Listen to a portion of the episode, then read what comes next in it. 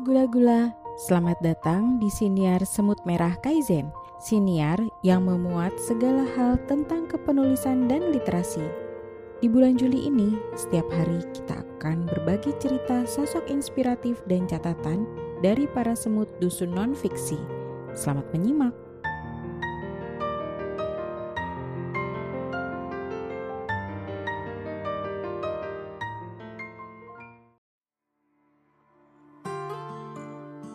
Hai gula-gula, setelah enam bulan mendengarkan siniar dari Semut Merah Kaizen, manakah episode yang menjadi favorit?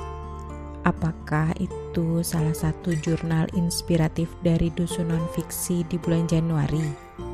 Atau cerita fiksi penuh emosi di bulan Februari? Ada yang sudah membaca buku rekomendasi Semut Klub Baca di bulan Maret? atau malah sudah menonton rekomendasi film dari klub nonton di bulan April. Gula-gula juga bisa mendengarkan bait indah puisi dari Dusun Puisi di bulan Mei. Dan rekomendasi serta obrolan seputar siniar di Indonesia dari Dusun Siniar di bulan Juni. Semoga siniar kami dapat menemani gula-gula menjalani waktu setiap hari ya. Bulan Juli ini, kembali semut-semut dusun non-fiksi menayangkan siniar yang sebagian besar berisikan mini biografi. Berawal dari pelatihan menulis biografi dengan mentor Mbak Albertina Endah atau yang dikenal dengan Mbak AE di tahun lalu.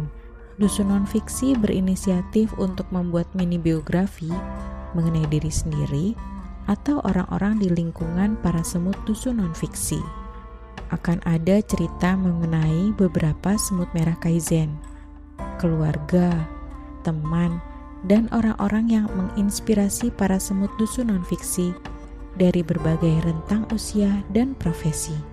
Selain mini biografi, ada juga cerita mengenai catatan inspiratif semut kaizen di dunia internasional. Juga catatan mengenai menulis dan manfaatnya untuk kesehatan. Sosok inspiratif dan pengalaman yang kami bagikan di sini dapat ditemui di keseharian gula-gula.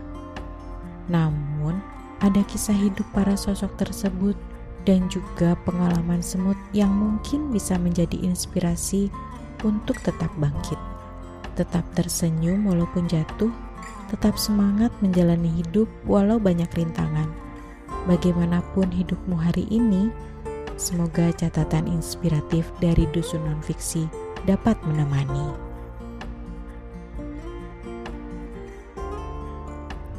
Demikian cerita inspiratif hari ini. Sampai jumpa esok hari dengan cerita inspiratif yang lain. Salam literasi.